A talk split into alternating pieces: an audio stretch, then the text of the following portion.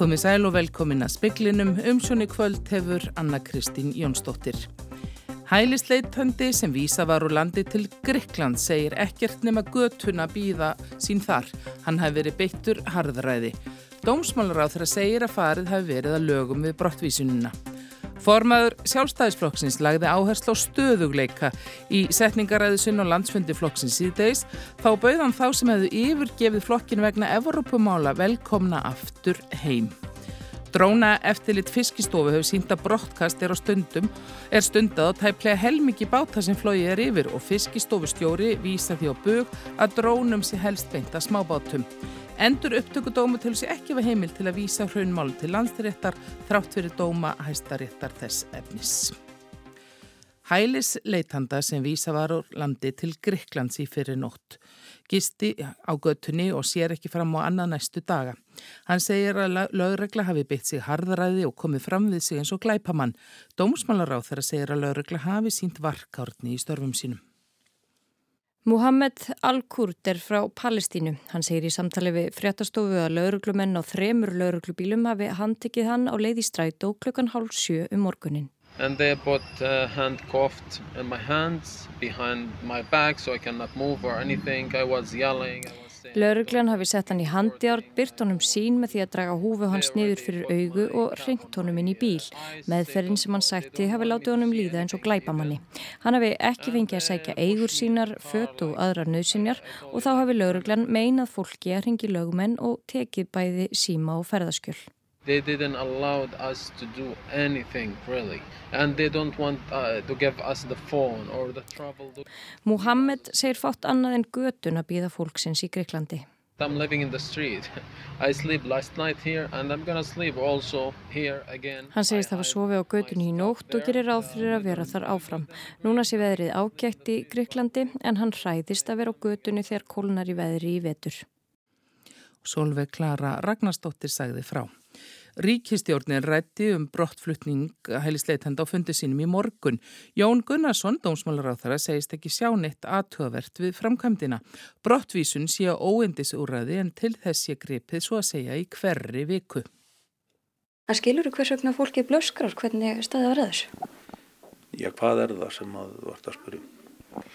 Eins og hefur komið fram í fréttum Já. og eins og umræðan er sem að þú hefur væntanlega tekið eftir. Já. Fólki blöskrar hvernig staði var að þessari framkvæmt, hvernig fólk var flutt í skjólunætur, e, fært upp í lauruglubíl og fallaður einstaklingur settur upp í lauruglubíl og ekki kallað að ferða þeimstu fallara.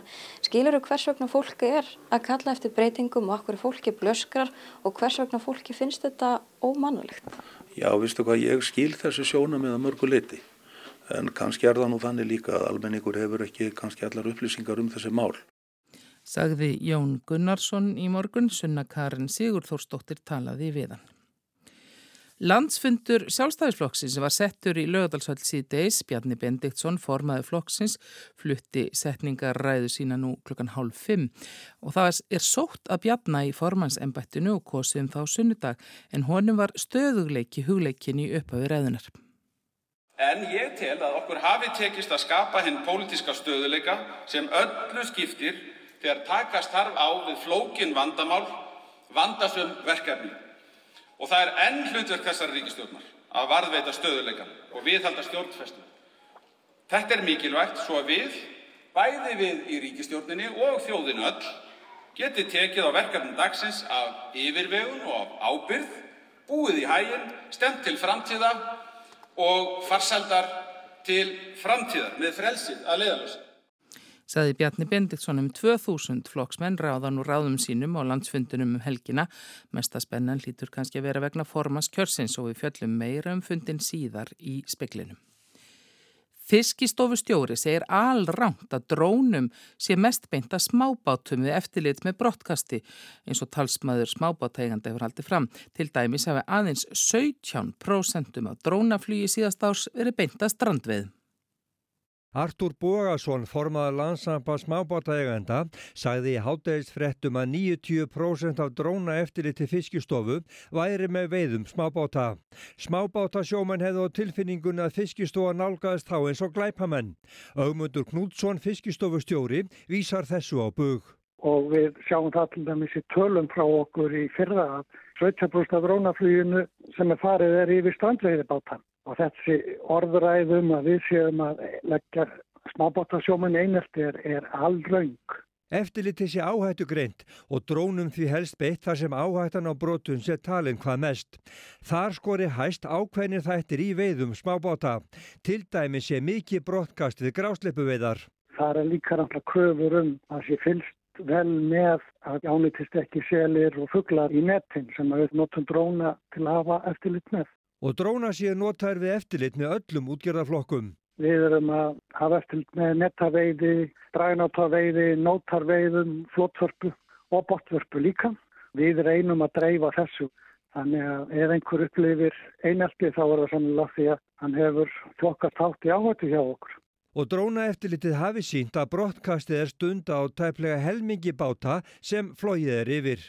En allt brottkast er banna og þetta er alvarleg glæpur í fiskveðum okkar því miður segði augmundur Knútsson Ágúst Ólafsson talaði við hann. Vara ríkisaksóknari förðar sig á því að endur upptökudómur skuli hafað engu tólkun hæstaréttar og halda áfram að vísa málum þangað þrátt fyrir hættu á að þau ógildist. Alexander Kristjánsson, þetta hefur ekki aðtikli í tengslu við svo kallur hrunmál til dæmis. Já, það vakti nokkra förðu í síðasta manniði þegar að hæstiréttur vísaði frá máli gegn styrmið Þór Bragasinni. Styrmir hafði áður verið dæmtur fyrir hlutdeldi í stórfældum umbóðsveikum vegna lánveitinga Byrs Sparisós í rauninu, þar sem reynd var að forða fíundan gjaldróti. Nú endur upptökudómur hafði úrskurðað að máli skildi tekið upp að nýju, vegna þess að Styrmir hefði ekki notið réttlátran málsmeðferðar og hann sendi máli því til hæstaréttar á ný. En hæstiréttur vísaði málinu frá því hann taldi sig ekki afa heimild til þess að taka það fyrir með réttum hætti og sagði að endur upptökudómur hefði gert mistök. Hann hefði átt að senda það til landsréttar og þetta var til þess að styrmir er sík allra mála í dag. Var þetta þá klúður hjá endurupptökudóminu? Já, þrátt fyrir þess að tólkun hæstaréttar og lögmanna sem við höfum rætt við þá verist endurupptökudómur ekki líta svo á. Hann lítur svo á að hann megi ekki vísa málum til landsréttar nema þau hafi komið þar fyrir áður og það gildir auðvitað um fæst trönmál en það var landsréttur ekki til þá og dómurinn hefur núna úrskurðað að mál Ívar Skvöðjónssonar það skulle tekið upp aftur og þá í hæstarétti. Ívar er fyrirvændi fórstuðumæður eigin fjárfestinga landsbankans og hann var dæmtur í tveggjára fangelsi fyrir markasmiðsnótkun. Er mál hans sambarlegt máli styrmis? Að hluta. Endur upptakan var endar á þeim fórsöndum að einn dómarana í hæstarétti á sínum tíma hefði verið vanhæfur vegna hlutabrifaegnar en það var líka farið fram á endur upptöku af því að Ívar hefði ekki notið þessara réttlátu málsmeðferðar ekki frekar en styrmir og fleiri. En hæstiréttur hefur sem sé gefið þótt að hann telli sig ekki geta bætt úr þeim anmörkum. Jú, þetta veldur nú greinlega nokkurum ágreiningi eða tólkunar ágreiningi. Já, heldur betur. Helgi Magnús Gunnarsson, vararíkisaksóknari, hann segir hæstarétt hafi verið skýran í afstöðu sinni. Það komi skýrt fram hjá hæstarétti þegar hann vísar máli styrmis frá. Hann telli að þessi mál geti farið til landsréttar og fengi þar efnislega meðferð. Og þess vegna förðar hann sig á því að endurupptökudómur skuli ekki, ekki fylgja því en það sé með þessu hægt á að, að málinn ógildist og verði vísa frá. En enduröptökudómur telur sér greinilega ekki bundin af tólkun hæstaréttar. Þakkaði fyrir þetta Alexander Kristjánsson. Og svíjar þurfa að taka kerfispundin rasisma fastari tökum. Þetta er mat teimis á vegum saminuð þjóðuna sem rannsakar mismunun í lögjæslu um allan heim. Teimið var stopnað á vegum saminuðu þjóðana á síðasta ári eftir að Georg Floyd, óvopnaður svartur maður, var myrtur af lögreglu í bandaríkunum. Teiminu er ætlað að heimsækja aðildaríki saminuðu þjóðana til að rannsaka kerfispundin rasisma. Svíþjóð var fyrsti áfangastadur teimisins. Helstu niðurstöður rannsóknarinnar snúað upplýsingaöflun sænskra stjórnvalda sem er talin ofullnægandi. Til að takast á við kerfispundin rasisma þurfa stjórnvalda ebla söpnun, byrtingu og greiningu upplýsinga á grundvelli kynþáttar og þjóðhernis. Einn sérfræðingana, Tracy Kesey, sagði að teimið hefði haft áhyggjur af stöðunni í Svíþjóði nokkur tíma. Niðurstöður úr viðtölum litu í ljósa að fólk af afrískum uppruna upplifi gerðnan öryggisleysi í Svíþjóð og þarf að þóla meira eftirlit lögreglu en aðrir. Einnig eru aðgerðir lögreglu í viðkvæmum samfélögum í Svíþjóð taldar skadalegri en annar staðar í landinu. Kísi sagði að sænska lauruglan þurft að byggja upp tröst hjá viðkvæmum hópum meðal annars með því að ráða til starfa lauruglumenn sem endur spekla fjölbreytileika svíþjóðar. Pétur Magnússon sagði frá. Landsfundur sjálfstæðisflokksins var settur í lögadalsvall síðdeis. Þetta er fyrsti landsfundurinn í fjögur og hálft ár og hefur ítrekka verið fresta vegna faraldus. Fundurinn stendur alla helgina en formannskjörið er á sunnudag. Bjarni Bendiktsson, formaður flokksins, flutti setningaræðu klukkan hálf fimm og kom víða við. Meðal annars talaðan um sölu bankana.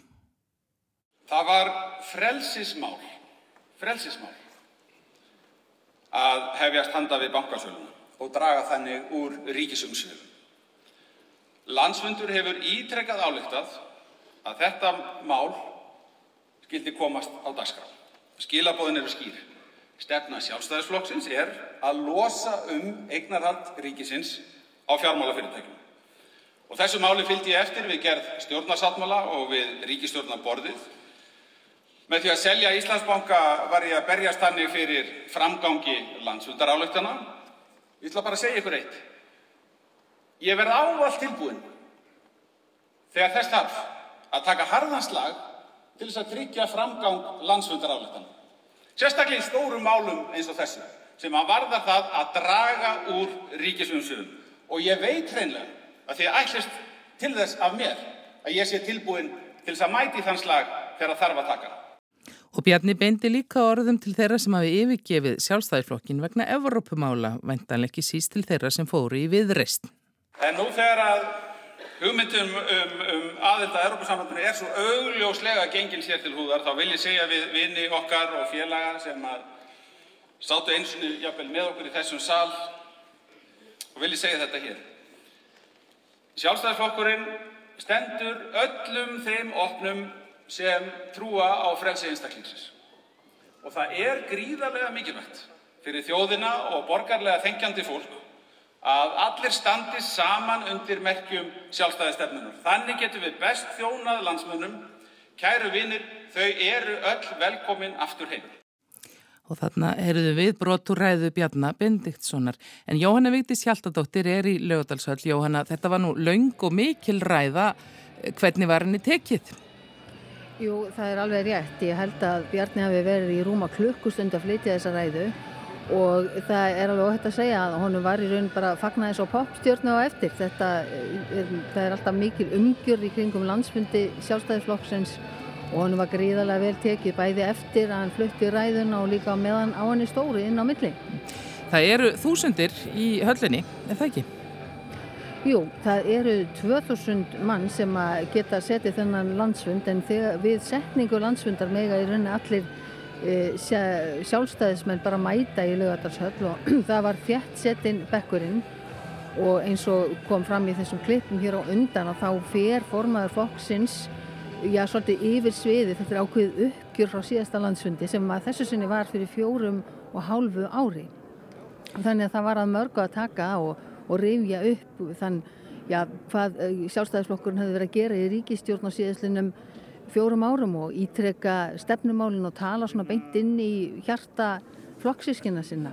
Formannin fannst nú ekki leiðilegt að slá því svolítið upp að þetta væri svona fjölumennasta stjórnmálasamkunda í landinu og það er mjög, það spannar hans í breytt bíl þáttakendunir það er alveg rétt hjá þér. Hann, hann, var svona ekki leiðilegt að svona leiðrættu það við ríkisúttarpið að þetta veri ekki ein fjölmennasta stjórnmála samkoma landsins heldur lang fjölmennast Jú og svo eh, að sjálfsögðu hann nefnd nafngreindi 2-15 ára þáttakendur sem eru hér á landsundi og svo auðvitað eh, elsta þáttakendan að þessu sinni sem er Salome Þorkelsdóttir 95 ára sem er fyriröndi fórseti alþingist og þingmaður og, og, og það reyðs allir úr sætum og hún fekk dinjandi lofatak Salome.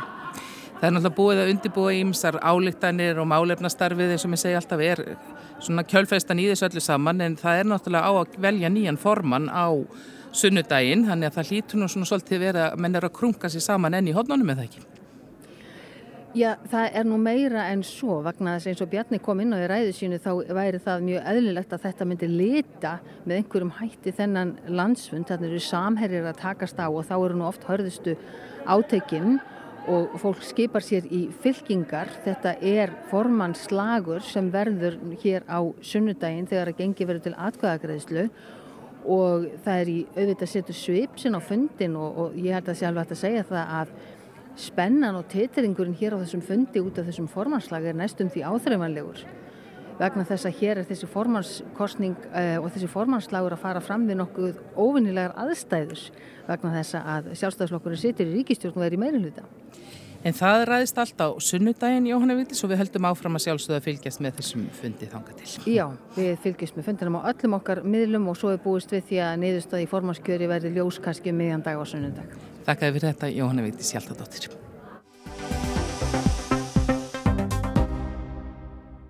Fjárhákstaða sveitafélag er víða ekki glæsileg. Fyrir vikunni var kynnt fjárháksáallun Reykjavíkur borgar Þar er gert ráð fyrir halla á þessu ári upp á 15 miljardar og 6 miljardar á því næsta. Þá er gert ráð fyrir 400 miljóna krónar halla á Akureyri á næsta ári. Þetta þýðir að hækka þarf gjaldskrár á þjónustu sveitarfélaga eins og á sorphyrðu, skólamáltíðum, sundverðum og fleiru að óglemdum fastegnagjöldunum sem gætu hækkað talsvert. Sigurður Ármann Snævar, sviðstjóri Hag og upplýsingarsviðs Sambas Íslenska Sveitafélag, velkomin í speilin. Ef við lítum aðeins upp frá þessum sveitafélagum sem hafa verið hvað mest í deiklunni og lítum almennt yfir sviðið, hvernig er staða sveitafélaga nú þegar farsóttar áhrifin eru að mestu horfin? Já, nú er til þess að líta að sveitafélagum ber samkvæmt lögum að leggja fyrir fjárasávallun til þesta árs og næstu fjóra ára, fyrsta november árkvert. Við erum búin að sjá þarna eins og þú nefnir réttilega af Reykjavíkuborg og við erum búin að sjá Akureyri. Almennt og, og, og sveitafjöldegin eru, þau eru búin að leggja fram fjárarsáallanirnar og við hefum ekki séð, ekki séð mikið af þeim. Það er ekki búin að samtekja þessar fjárarsáallanir, mittl umræðina er verða oft, oft breytingar. En það er mjög þungt í sveitafjöldegum. Við höfum verið með fjármála eh, rástefnu og svo landsting og um, maður skinnjar það að það er, það er erfitt og ég, ég hygg nú að, sko, að staða Reykjavíkuborgar séu svolítið einstökamörgu leiti. Borgin fór uh, aðra leið heldur en hins sveitafélagin. Þau svöruður einu veru kallir ríkistjórnarinnar um það að auka fjárfestingar þegar að COVID skall á. Sem að önnu sveitafélag gerðu miklu í, í, í litlu mæli eða eppil engu mæli. Þannig að borgin stendur svo litið sko, þeirra staða núna markast að mínum að tölvert mikið af því. En er eitthvað hægt að segja til um hvort að staða minnisveitafélaga sé verri en þeirra stærri eða öfugt? Það er, það er upp. Það, það er upp og ofa með það. Lítil sveitafélagsum eru mjög rík. Fá mikla tekjur af, af þarstegna gjöldum og sögambúrstöðum, annur fá mikla tekjur af, segjum, af, af, virkunum. Þannig að það er rosalega erfitt að alhafa um það. Það sem að kannski stendur upp úr öllum sveitafélagum og um að lesa umsagnir e, sveitafélaga um e, fjárlega frumvarpið að þá er það fyrst og fremst málipinni fallast fólk, fólk sem er með að ræða, það er náttúrulega stór, það er við kvöldinu stóra gatir og það er stórt gat en það er bara stækkar og það, það, það er búið að gera úttekt á því og það er að vera núna nefnd í störfum. Við vonum að það svo nefnd skili fyrsta desember.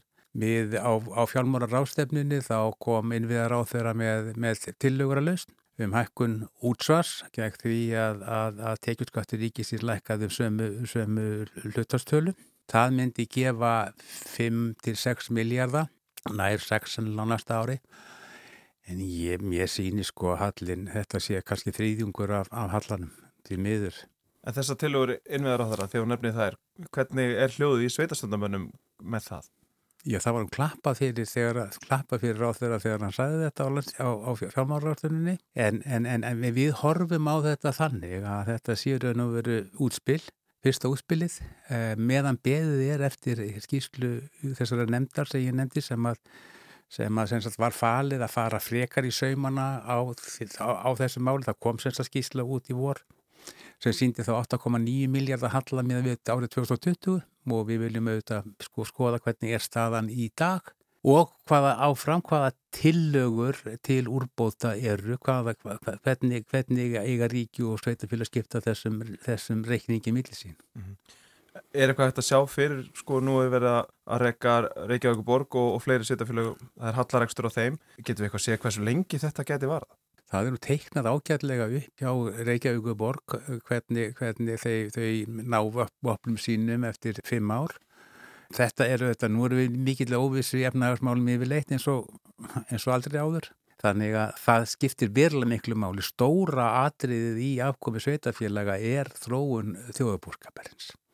En það er rétt sem þú segir að, að líka að menn er að hækka gjaldskrá og sko ríkið er búið ákveða það ekki í, fjár, í frumapiti fjárlaga. Þá er talað um að hækka krónutölu gjöldin um 7,7% þegar maður rétt eða verbulgun eins og hún verður í, er áallu að verða í desember. Og við sjáum það að sveitafélögin eru að fara sömu leið. Borgin er að horfa til verbulguna á næsta ári meðan mér sínist akkur er að vera meira að horfa dagsinspeil Og þetta eru auðvitað stórar fjárhæðir sem þar erum að tefla en horfum til þess líka að sko gjaldskrá sveitafélaga yfir lengri tíma hafa verið að lækka mjög mikið. Sko þegar ég var hér borginni þá vorum við að, að miða við það að þriðjungur rekstrakostnaðar e, leikskóla væri dekkaður af, af gjöldum fóröldra.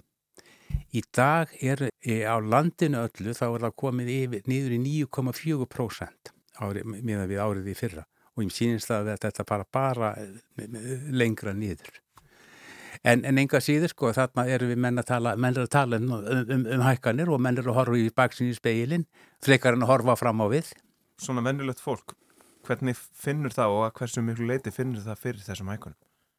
Já, nú á eftir að sjá hvað hækkanir verður miklar, en náttúrulega það ef, að leikskóla gjöldin hækka um 5% Eh, hér í Reykjavík eða jafnvel meira í, í annar staðar þá er það náttúrulega kostar það. Því miður sko eh, við sjá ennum líka auðvitað að horfa fastina skattan og fastina gjöldi þar eru við, ég, ég sé það að menn eru líka að horfa til þess að næsta, í byggjum næsta ás og þá tekum við þingrásar hagkerfið. Það er ásko, miklar áskorani fyrir sveitafjölu þar og ég sé það að menn eru að tala um sorpiðu gjaldin, hækka þau og, og, og svo framvegis. Takk hjá fyrir komuna í speilin, Sigur Ármann Snævar. Takk að því fyrir.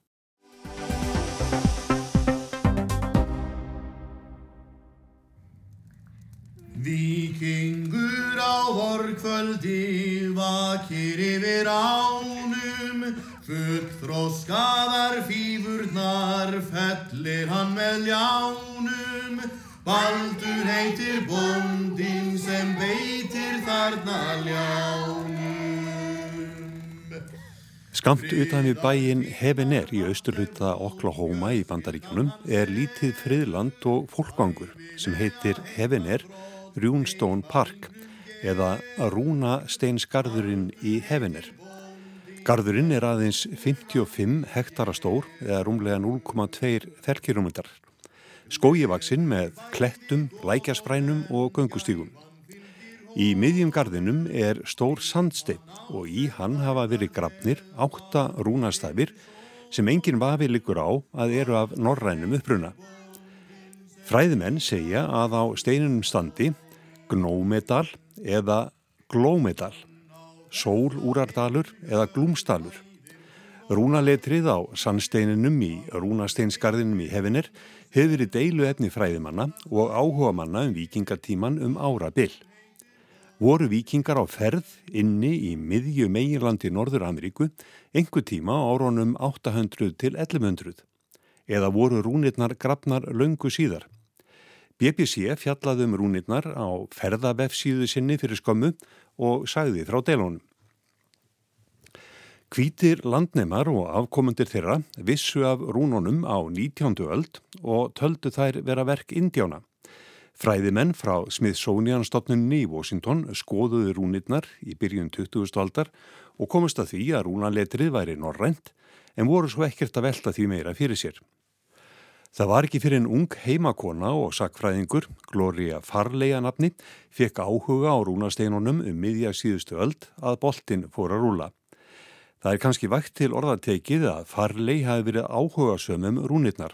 Hún varð heldtekin af þeim og helgaði líf sitt að komast að því hver eða hverjir hefðu grafið þær í steinin og hvenar. Hún kynnti sér vikingatíman, siglingatækni, rúnaletur og grafskrift, ferðaðist um allan heim til að finna samsörun og komst að þeirri niðurstöðu að rúnirnar væru verk norrætna vikinga sem hefðu komið á þessa slóðir einhvern tíma fyrir 900 til 1200 árum. Fyrst norrænir vikingar gáttu silt til Grænlands, Nýfundalands, Rústlands, Englands, Írlands og Miðurahafslanda. Hvers vegna gáttu þeir ekki silt til Mexikoflóa, norður Mississippi ána og þver ár hennar til Oklahoma, spurði Gloria Farley. Hún var sannferðum að norrannir menn hefðu komið á þessa slóðir einhvern tíma á áronum 800 til 1100. Tvær aðrar rúnaristur hafa fundist í um mílu fjarlægð, norður og söður af steininum stóra, en þær eru ekki nógu skýra til þess að hægt sé að ráða merkingu þeirra. Þetta fannst Glóriu Farley benda til þess að risturnar væru landamerki norrætna manna.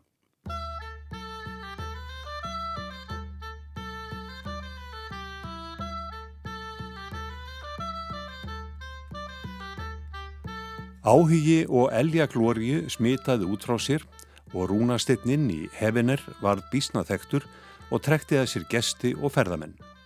Fræðimenn söktu sér í málið og um steinin hefur verið margt og mikið skrifað. Gloria Farley lest árið 2006 en margt bendi til þess að kenninkennar standist ekki. Fordlega fræðingurinn Lyle Thompson við Durham Háskólan í Englandi sem sérhæfis í vikingatímanum segir í vísindagrein árið 2011 að erfitt sé að sanna að rúnirnar séu frá vikingöld. Vísbendingar séu hins vegar um að sænskur innflýtjandi hafi rist rúnirnar í steinin snemma á 19. öld. Aðrar kenningar eru uppi um að félagi í franska La Salle leiðangrinum árið 1687 hafi grafið í steinin og enn aðrar að sænskur skipstjóri sem sildi með þíska innflytjendur á áronum 1718 til 28 upp Mississippi ána hafi verið að verki. Kanski eru þó málfræðilegar evasendir sterkastar. Rúna stafirnir átta tilherir nefnilega tveimur misgömlum rúnaröðum. Annars vegar fúþarki hinnu eldra og hins vegar fúþarki hinnu yngra. Hið eldra var í nótkun á árunum 150 til 700 en hið yngra frá 700 til 1100. Eldri stafirnir voru sem sagt í nótkun fyrir útþenslu tíma vikinga og áður en þeir náðu fullum tökum á siglingatekni sinni. Þess vegna er mjög hæpið, svo ekki sem er að sagt, að Norrætn sæfæri hafi verið stattur inn í miðri Norður Ameríku árið 700 eða fyrr. Þá hafa fræðimenn einni bent á að fornt rúnaletur hafi verið víða kent í Evrópu á 18. og 19. öld og þess vegna líklegt að innflýtjendur í Oklahoma af norrænum eða þýskumættum hafi kunnaða og grafið nokkra stafi sér til skemmtunar í steinin. Hvað sem því líður er rúnasteinsgarðurinn í hefenir, velþektur og heimamenn gera sér mat úr þessum kenningum og deilum og halda sig að sjálfsögðu við skýringar glóriu farli. Garðurinn er í eigu sjálfsegnarstofnunar sem reyðir sig á framlög almennings og bæjarfélagsins. Vikingaháttíð var haldinn árlega við garðinn fram á síðust ár en ógs skipuleikingjöndum yfir höfuð. Ofmargir lögðu leið sína háttíðina, Korki var nóg plásni gisting fyrir allan fjöldan þannig að hún var lögð af í bíli. Lindarmáli er hins vegar óleist. Hvort norræni vikingar voru þarna á ferð fyrir um þúsund árum auður eig.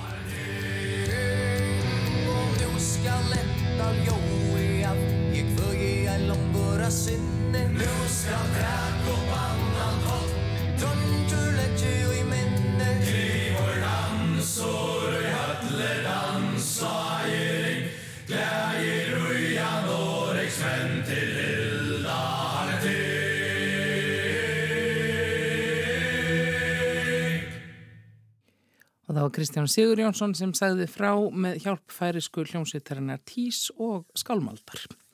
Veður horfi til miðnættis annað kvöld, það verður austankald eða strekkingur en kvassviðri síðst á morgun, lítilsáttar rigning eða slitta en lengst af bjart vestanlands og veður fer heldur kólnandi. Það var helst í fréttum að hælisleitandi sem vísa var úr landi til Grekland segir ekkert nema göttuna býða sín þar, hann hafi verið beittur harðræði. Dómsmálar á þeirra segir brottvísun óendis úræði og skilur hörðið bröðamörgu leiti en almenningur hafi ekki allar upplýsingar. Formaður sjálfstæðisflokksins lagði áherslu á stöðuleika í setningaræðu sinni á landsfundi flokksins í deis þá bauð hann þá sem hefðu yfirgefið flokkin vegna Evrópumála velkomna aftur heim. Og dróna eftirlit fiskistofu hefur sínt að brottkast er stundað á tæplega helmingi báta sem flóið er yfir. Fiskistofu stjóri vísa því á bug að drónum sé helst beint að smábátum. Fleira er ekki í speklinum þessa vikuna, tæknimaður var Mark Eldredd, veriði sæl.